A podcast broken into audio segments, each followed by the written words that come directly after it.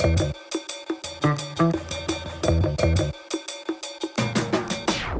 2024 wordt een uitzonderlijk belangrijk jaar voor de Belgische politiek, want dan zijn er, jawel, verkiezingen. En niet zomaar verkiezingen, voor het eerst vallen alle verkiezingen op alle mogelijke niveaus samen in één kalenderjaar. U zult dus heel wat stemmen moeten uitbrengen en als we de peilingen mogen geloven, zou er wel eens een en ander kunnen verschuiven in het politieke landschap. Welke partijen staan er goed voor op dit moment? Bij wie begint het angstzweet stilaan uit te breken? En waarop moeten we nog letten in die laatste zes maanden tot aan de verkiezingen? We vragen het aan Bart Eekhout en Stavros Kelepouris. Mijn naam is Dries Vermeulen. Dit is Duidelijk. Duidelijk, de morgen. Bij ons aan tafel zitten hoofdcommentator Bart Eekhout van de Morgen en politiek journalist Stavros Kelepouris. Welkom, heren. Dag Dries. Voor jullie eh, wordt het volgend jaar een belangrijk jaar eh, als Mhm. politieke beestjes, want er komen heel wat verkiezingen aan. Ehm, ik eh, zal het gewoon even heel concreet zeggen. Op 9 juni zijn er Europese, federale en regionale verkiezingen. Mhm. En op 13 oktober provincieraad en de gemeenteraad. Ik heb me laten vertellen dat het de, de eerste keer is dat die allemaal samenvallen in één kalenderjaar. Oh, dat zou ik niet weten. Ik denk dat dat klopt. Wikipedia heeft me dat gezegd. Uh-huh.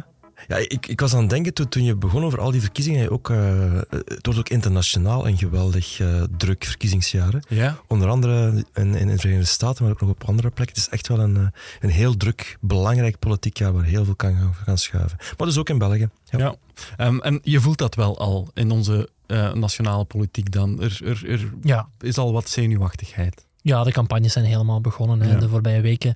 Zijn de lijsten overal, of de, de bovenste plaatsen dan op de lijsten helemaal aangekondigd. Je merkt dat partijen zich eh, warm lopen voor de campagnes, dat ze hun, eh, ja, hun, hun strategische posities beginnen bepalen en dat ja, regeringen toch een beetje minder aan eh, beleid beginnen te doen. Het is wel grappig, we zitten nu ongeveer deze week exact eh, zes maanden voor de, de, de, verkiezingen. Ja. En alle partijen over het kwartier hadden blijkbaar die datum aangestipt van nu gaan we de pre-campagne beginnen. Ze zijn allemaal begonnen met een soort, eh, ja, met een of ander eh, verrassend of zelfs ja, gek, gek, gek statement of, of een gekke stunt. Dus blijkbaar hadden alle partijen dezelfde, hetzelfde idee van zes maanden voor de verkiezingen, dan gaan we er echt aan beginnen. Ja, Wat eigenlijk al heel vroeg is. goed op tijd. Hè? Ja, eigenlijk echt wel heel vroeg. Ehm, hebben we nu al een idee van wat de inzet zal worden van die verkiezingen? Over welke thema's zal het gaan? Ik denk, eh, ik kijk even naar Bart, eh, dat ik geen domme dingen zeg, maar ik denk dat de grote inzet wordt, eh, ja, Vlaams Belang, hoe groot worden zij? Oh. En Ja, oké, ja, ja, nee, nee, het is Als interessant. het over de federale verkiezingen gaat, dan, sorry, over de, over de parlementsverkiezingen, dan denk ik dat dat toch de grote vraag zal worden. Ja, maar dan maak je hen meteen ook inzet van de verkiezingen en weet je eigenlijk al wie de verkiezingen gaat. Dat, dat, Als je naar de peilingen kijkt van de voorbije maanden, dan Mhm. Ja. eh, kan je er niet omheen dat Vlaams Belang wellicht de grootste zal worden. En dan zal het ervan afhangen hoe groot ze dan gaan worden en of ze dan een meerderheid gaan hebben met NVA, want dat is toch de vraag die NVA nu al voortdurend krijgt en die ze van gaan ze dan samen regeren eh, met de Vlaams Belang als ze samen een meerderheid hebben? Die vraag krijgt NVA nu al voortdurend en ik denk dat ze die de komende maanden alleen nog maar vaker gaan krijgen. ja. Dat is inderdaad wel een beetje de vraag die we, die we heel vaak zien terugkomen de laatste tijd. Hè. Eh, ik, als ik even de, de meest recente peiling erbij haal, die was van Gazet van Antwerpen. Daar haalt Vlaams Belang 27,5 procent. Het is maar een peiling natuurlijk, maar dat is Mhm. wel nog meer dan eh, bij de vorige verkiezingen. NVA volgt met 21,3. Dat Ja. is net geen meerderheid Nee. samen. Eh, slag om de arm, omdat dit een, eh, echt wel een losstaande peiling is. Je kunt die moeilijk vergelijken met vorige peilingen, want het is de eerste keer dat deze media met een peilingen uitkomen. Dus het is ook heel gevaarlijk om het te gaan vergelijken met andere peilingen. Maar goed, die slag om de arm genomen, eh, is het wel eigenlijk de eerste keer in een peiling dat samen een meerderheid ook mathematisch een meerderheid kan zijn voor Ja. NVA en Vlaams Belang samen. Dat was tot nu toe altijd nog wel een belangrijke rem op heel die discussie, namelijk dat wiskunde eigenlijk gewoon nog niet kon. Hè. Dus dat is samen rond 45% meestal. Dat is ook als je alle extra's die die grote partijen krijgen in de zetel, eh, eh, zetelverdeling, is dat nog net te weinig om echt een meerderheid, zeker een comfortabele meerderheid te hebben in het Vlaams parlement. Nu kan het wel. Eh, dus dat zou het kunnen, hè. het blijft een peiling. Ehm, dus dat is natuurlijk wel een belangrijk, een belangrijk element. Ja, wat daar volgens mij toch meer meespeelt, eh, ja, is de timing van die peiling, denk ik, vlak na de Nederlandse verkiezingen, waar heel veel aandacht is gegaan naar de overwinning van, van, van Wilders, waar ja, die er ook zou toe kunnen gaan leiden dat Wilders op zijn minst mee in een toekomstige Nederlandse regering stapt en ze misschien zelfs gaat leiden. Wat natuurlijk heel dichtbij het idee brengt, hier ook in Vlaanderen, dat het praktisch, dat het politiek mogelijk is dat radicaal rechts ook hier uh, in een regering stapt. En dan zit je met, met de NVA, die daar ook in, uh, in een heel moeilijke positie zit, zich daar moeilijk tegenover kan verhouden, tegenover de realiteit. Uh, enerzijds willen ze daar de deur wel een beetje voor openzetten voor die mogelijkheid. Ja, anderzijds willen ze die deur toch een beetje half dicht houden. En dat kennen we ook uit de Nederlandse verkiezingen. Ja, als het hen on the record gevraagd wordt, de NVA-kopstukken, willen jullie samenwerken eventueel in het Vlaams Belang? Is het antwoord altijd zo'n beetje van ja, dat zou wel heel erg moeilijk zijn. Ja, het wordt toch minder moeilijk uh, met de week. Ik, uh, mocht je het discours van NVA vandaag vergelijken met het discours van een aantal jaar geleden. Een aantal jaar geleden was er voor NVA een fundamenteel probleem met Vlaams Belang. Ik geloof dat mm -hmm. iemand, ik weet niet, niet, meer precies wie, maar iemand bij NVA noemde hen ooit uh, de, de, de wandluizen mm -hmm. van, de, van de Vlaamse beweging. Ja. Het lijkt me een citaat van de Wever zelf Ik denk het zijn, ook. Uh, ja, dat, dat soort dingen hoor je niet meer. Het probleem nu is dat er een aantal figuren zijn die moeten verdwijnen. Zijn de Dries van Langenhoven, Filip de Winter. Uh, het probleem is, uh, zoals Jan Bon uh, vorige week nog zei in een, in een artikel in deze krant, dat NVA, sorry, dat Vlaams Belang federaal niet mee wil besturen. Ja, daar gaat het toch eigenlijk niet om. Het probleem met Vlaams Belang is niet of ze federaal al dan niet mee willen besturen. Het probleem is dat misschien dat die partij consequent mensen met een andere huidskleur viseert. Mm -hmm.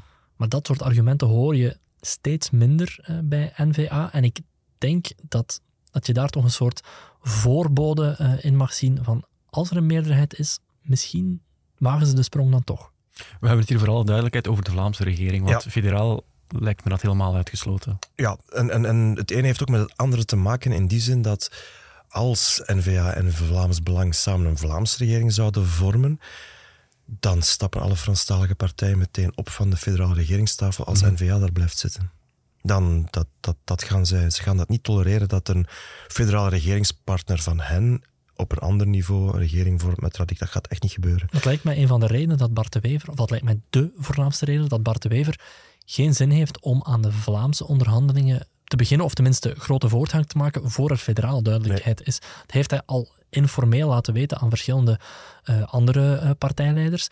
Dat is natuurlijk omdat hij een soort breekpunt wil creëren van als je mij en mijn partij er niet bij neemt federaal, ja, pas op. Of ik ga Vlaams met, uh, met Vlaams Belang in zee en dan zie je wat er, uh, welke ongelukken er kunnen gebeuren. Ja, en, uh, het grappige is dat Tom van Grieken eigenlijk het omgekeerde wil. Heeft. Ja. Er wordt nu, het is een beetje cynisch en, en het, het, het getuigt ook wel een beetje van hoe zeker Vlaams Belang nu al is. Ook zij zitten al schema's uit te tekenen dat er eerst wel degelijk een Vlaamse regering moet gevormd worden, die dan blok moet gaan vormen tegen de federale regering.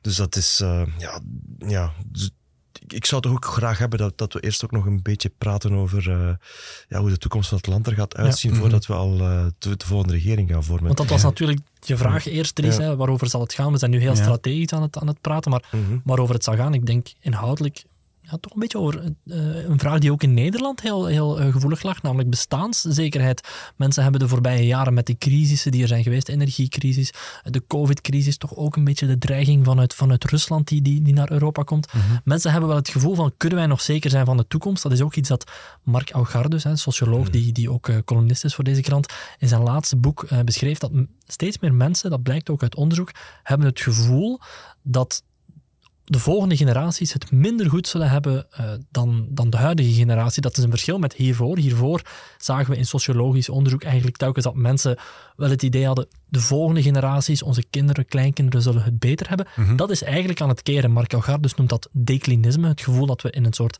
verval uh, zitten. Ik denk dat dat gevoel en de, en de vraag naar wordt het beter, kunnen we onze, onze besta ons bestaan, kunnen we onze zekerheid handhaven, denk dat dat een, een groot uh, punt zal worden in de verkiezingen. Ja, dat is voor mij ook wel, wel, wel de inhoudelijke vraag uh, van deze campagne. Hoe partijen zich gaan verhouden tegenover eigenlijk die zekerheid dat je, ja, dat je voor een, een, een hele moeilijke regeerperiode staat. Hè, omdat je eigenlijk nu al weet dat één, uh, er is een probleem met die begroting. Je moet daar niet links of niet rechts voor zijn om dat te zien, dat je, dat je daar uh, ja, dat je daar maatregelen zult moeten nemen. En waarom moet je die maatregelen nemen? Dat je nu eigenlijk al zeker bent van drie grote budgettaire crisissen die, erop, die, die, die op ons afkomen. Degene die het meest genoemd wordt, is altijd de vergrijzing, terecht. Mhm. Dat is gewoon, dus mensen worden ouder en dat is op zich allemaal goed nieuws. Maar dat kost ook meer geld aan uh, pensioenen en aan kosten voor gezondheidszorg en voor welzijn. Tweede grote uh, uitdaging is, is klimaat. Hè. Je kan uh, allerlei dingen bedenken waarom, waarom het klimaatbeleid uh, sneller of juist trager moet gaan. Maar feit is dat je daar met twee grote kostenposten zit. Namelijk enerzijds bescherming tegen extreem weer. We zien het nu al. Uh, elk seizoen gebeurt er wel iets. Anderzijds ja, heb je die economie die zich moet omvormen naar, naar die nieuwe realiteit van, van, van, van, van meer duurzaamheid, van meer hernieuwbare energie. Dat zijn allemaal gigantische dingen die, die op ons afkomen. En dan drie, is er die oorlog. Hè? Die gaat niet weg. En, en, en als de oorlog weggaat, dan gaat Rusland niet weg. Dus dat betekent dat je ook afscheid moet nemen van dat vredesdividend, dat je terug moet investeren in defensie, ook in België. En dat zijn miljardenfacturen. Dat, dat, dat is geen... Dat, dus, en, en daar wordt die internationale context natuurlijk heel belangrijk. Want als in Amerika Donald ja. Trump opnieuw aan de macht komt, ja, dan weet ik niet of uh, België Mhm. nog zo, Nee, nee. zo kan rekenen op de paraplu van de NAVO. Absoluut. En ik ben daar niet per se pessimistisch over, maar ik ben wel heel erg geïnteresseerd in hoe partijen met die realiteit gaan omgaan, of ze dat gaan negeren, of ze toch weer uh, op een soort uh, tapijtenmarkt van ideetjes gaan staan, allerlei gekkigheden gaan beloven aan de mensen, of dat er toch een zekere ernst in die campagne gaat binnentreden met debatten over ja, hoe, gaan we dit, uh, hoe gaan we dit proberen op te lossen. Want je, hebt daar, je kan daar geweldige discussies over hebben. Je hebt daar linksoplossingen voor, je hebt daar rechtsoplossingen voor. En dat, dat, dat zou ik zelf bijzonder... Als, ik het mag, als ik het mag beslissen, zou ik, het, zou graag hebben dat het daarover gaat. Maar ik ben ook maar een eenvoudige journalist. De nieuwe informatie van het parket treft mij in het hart, omdat ik mijn uiterste best gedaan heb om justitie beter te maken. Ik heb deze informatie overgemaakt aan de eerste minister en ik heb hem meegedeeld dat ik mijn ontslag neem als minister van Justitie. Ik hoop dat we samen oplossingen vinden en ik begrijp dat mensen gekwetst zijn, het moeilijk hebben met beslissingen die genomen zijn. Maar vorige week zijn twee mensen gestorven in Brussel. En ik denk dat wij als bestuurspartij daar oplossingen moeten voor zorgen en voor zoeken. En zorgen dat iedereen terug veilig op straat kan lopen met een gerust gevoel. Het gedoe rond mijn persoon leidt vandaag af van die essentie.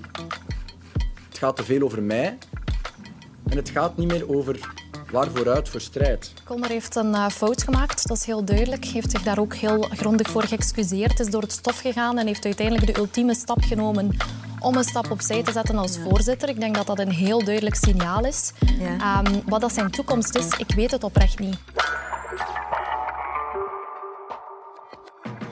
Met al die verkiezingen volgend jaar uh, die eraan komen, moeten we met z'n allen heel veel beslissingen nemen. Iedereen zal toch moeten uitmaken um, op wie of wat hij of zij wil stemmen. Ik hoor bij heel veel mensen dat ze daar moeilijk mee hebben. Dat op dit moment eigenlijk heel weinig uh, van de partijen op, op wie ze doorgaans zouden stemmen nu nog hun vertrouwen hebben. Mm-hmm. Dat zie je ook wel terug in die peilingen. Hè. De, de Vivaldi-partijen bijvoorbeeld, toch een aantal daarvan krijgen het moeilijk. Open VLD heeft een heel lastige periode achter de rug. De Groenen komen gevaarlijk dicht in de buurt van de kiesdrempel in die peilingen. Ook vooruit heeft het lang heel erg goed gedaan, maar nu met het vertrek van Conor Rousseau begint dat ook twijfelachtig te worden. Vooruit doet het wel in de peilingen eigenlijk Nog beter. redelijk goed. Ja, ze doen het een, zelfs een heel stuk beter dan uh, Mhm. bij de verkiezing. En zelfs een heel stuk beter nog dan de peilingen na die verkiezingen, want daar, Mhm. daar waren ze dan nog een beetje uh, weggezakt aanvankelijk.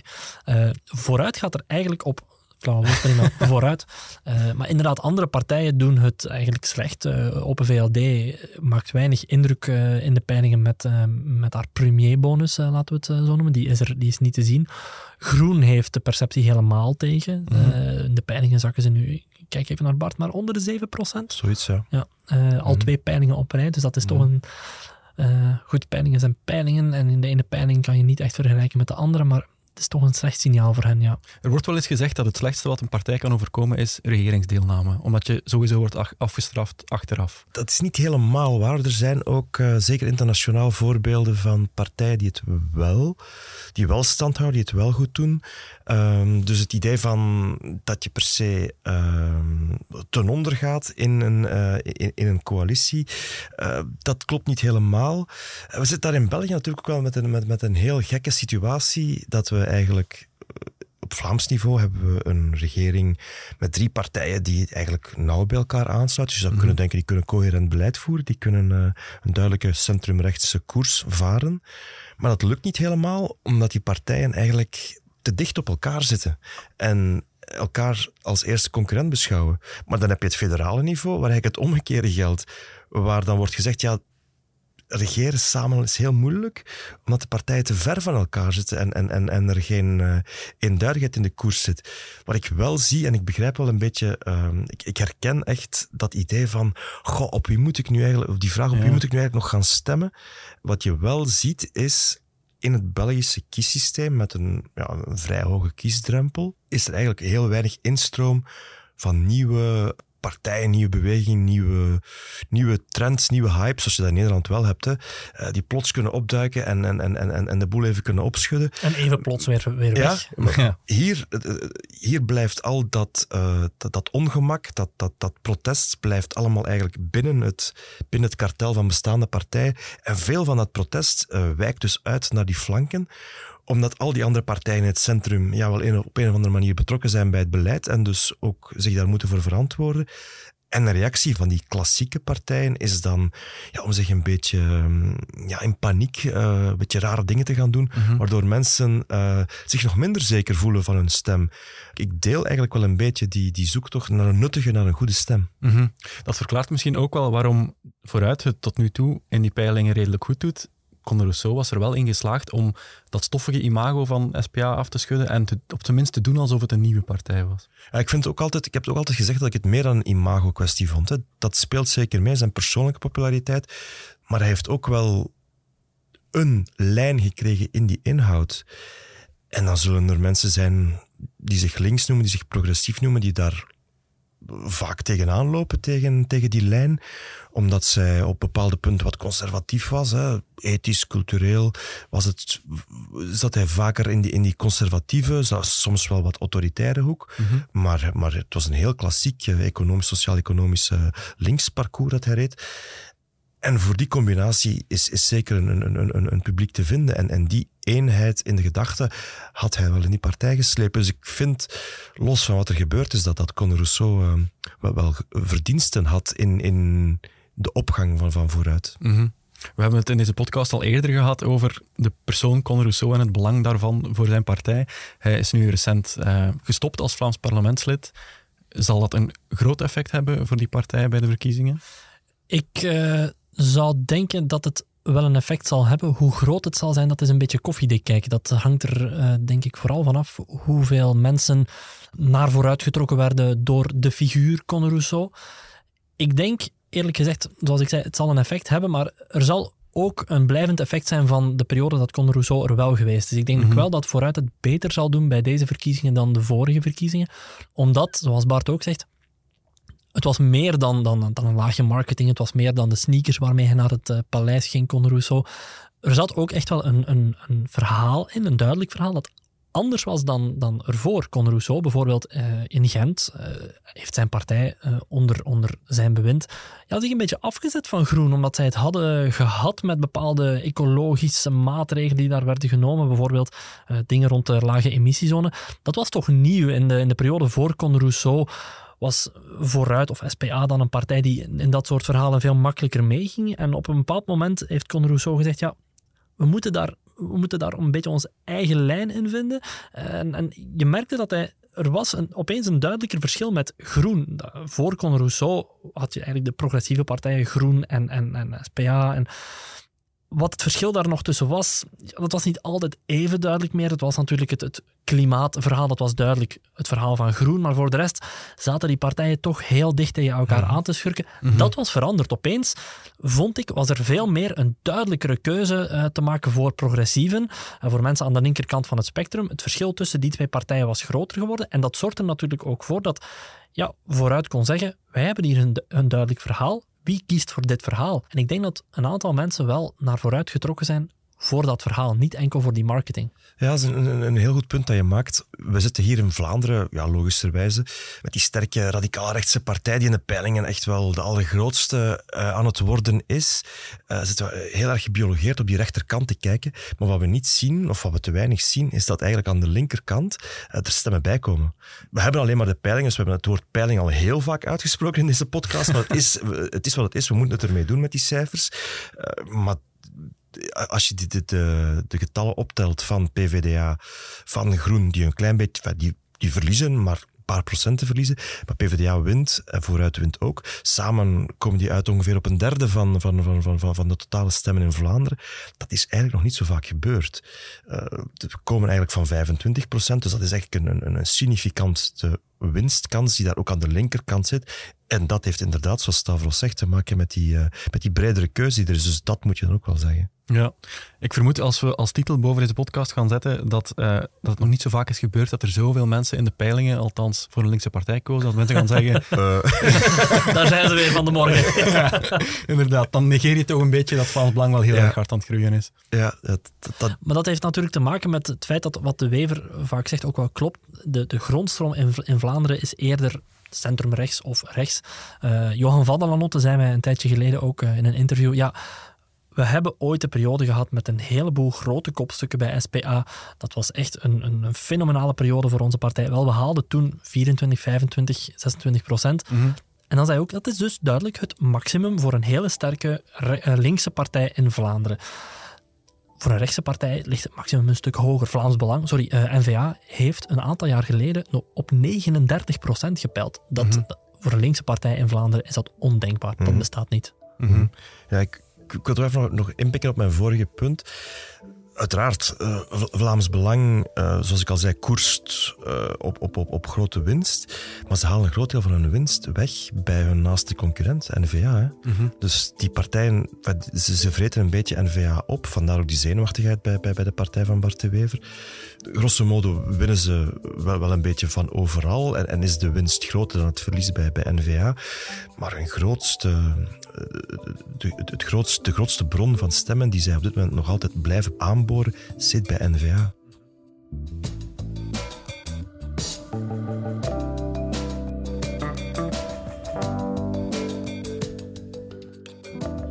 Il faut absolument tout faire pour éviter le retour du gouvernement MR-NVA. Et donc moi, oui, je le dis clairement, je veux, un, faire en sorte de faire un gouvernement sans la NVA, tout faire pour qu'on puisse éviter la NVA, et je veux, deux, si possible, pouvoir faire un gouvernement sans le MR. Et tout ce que j'ai entendu de M. Boucher ce soir me donne encore plus envie de faire un gouvernement sans le MR.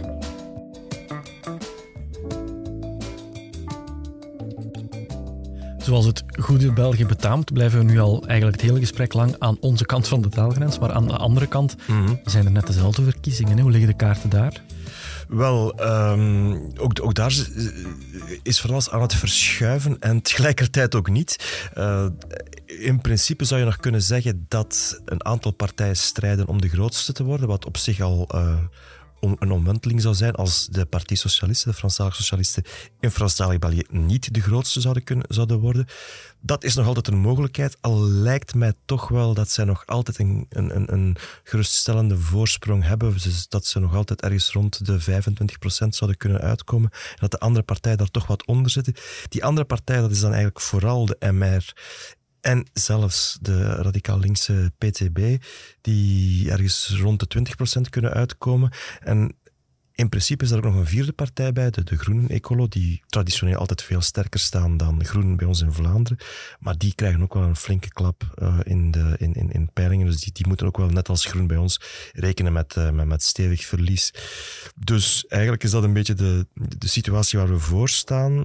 Natuurlijk wordt uh, in Franstalig België um, ja, die campagne nu al eigenlijk heel erg sterk gepolariseerd door die twee grote jongens, zeg maar, de, de, de PS en, en de MR, met hun zeer uitgesproken voorzitters, Magnet en, en, en Georges-Louis Boucher.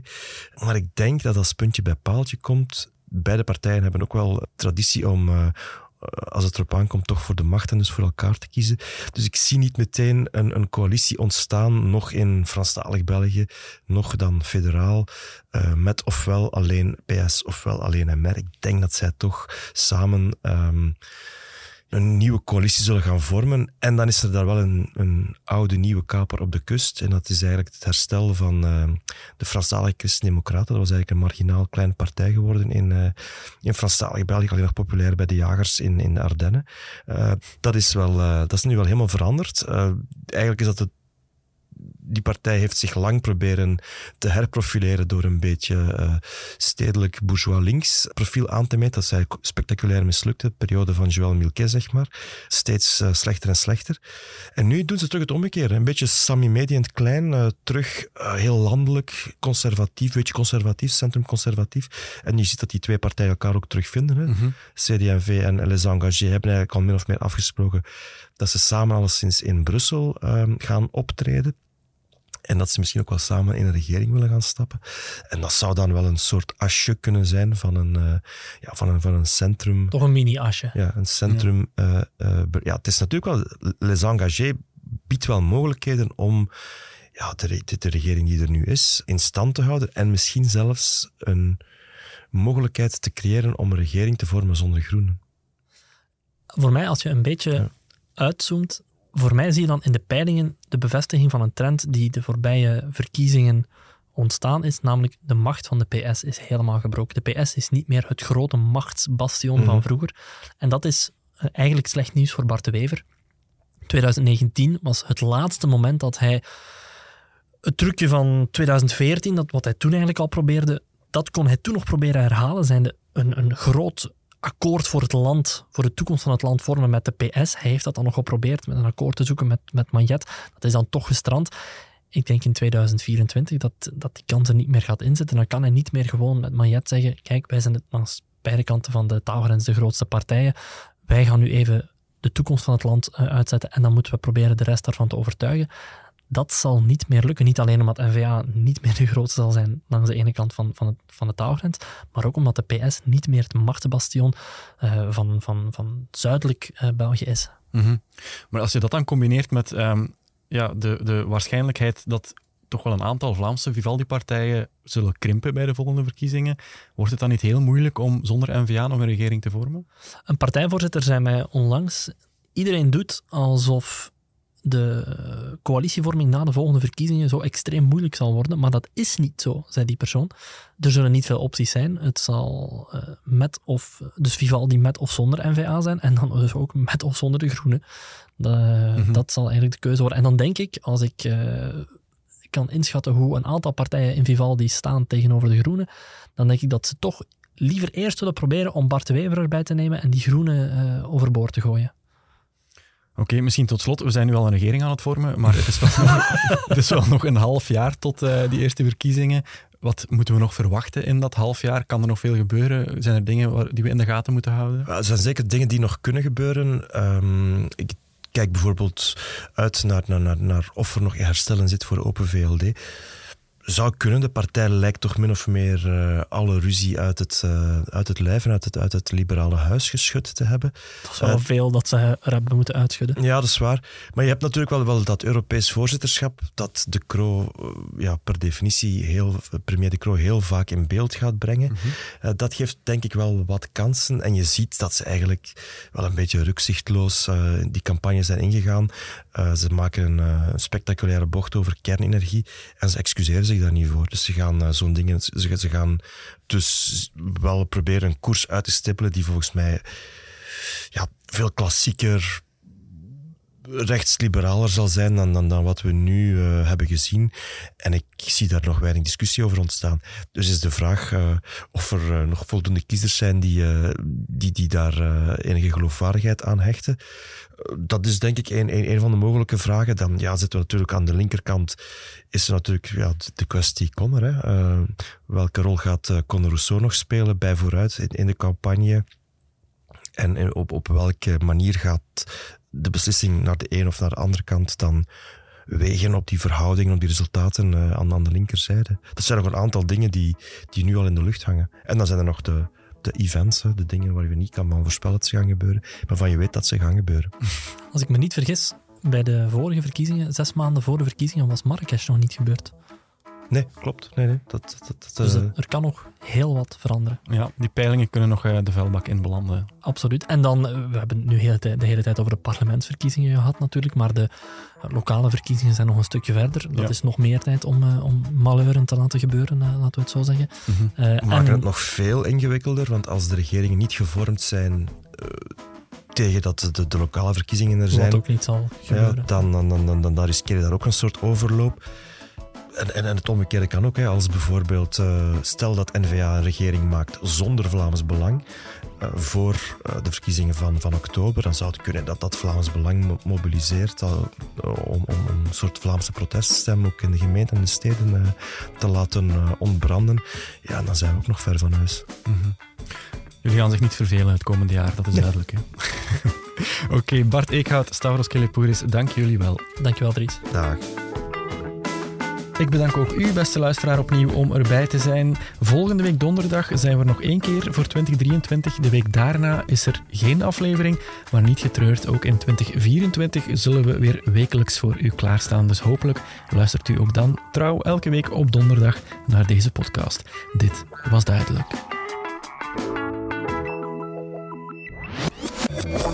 Duidelijk. De morgen.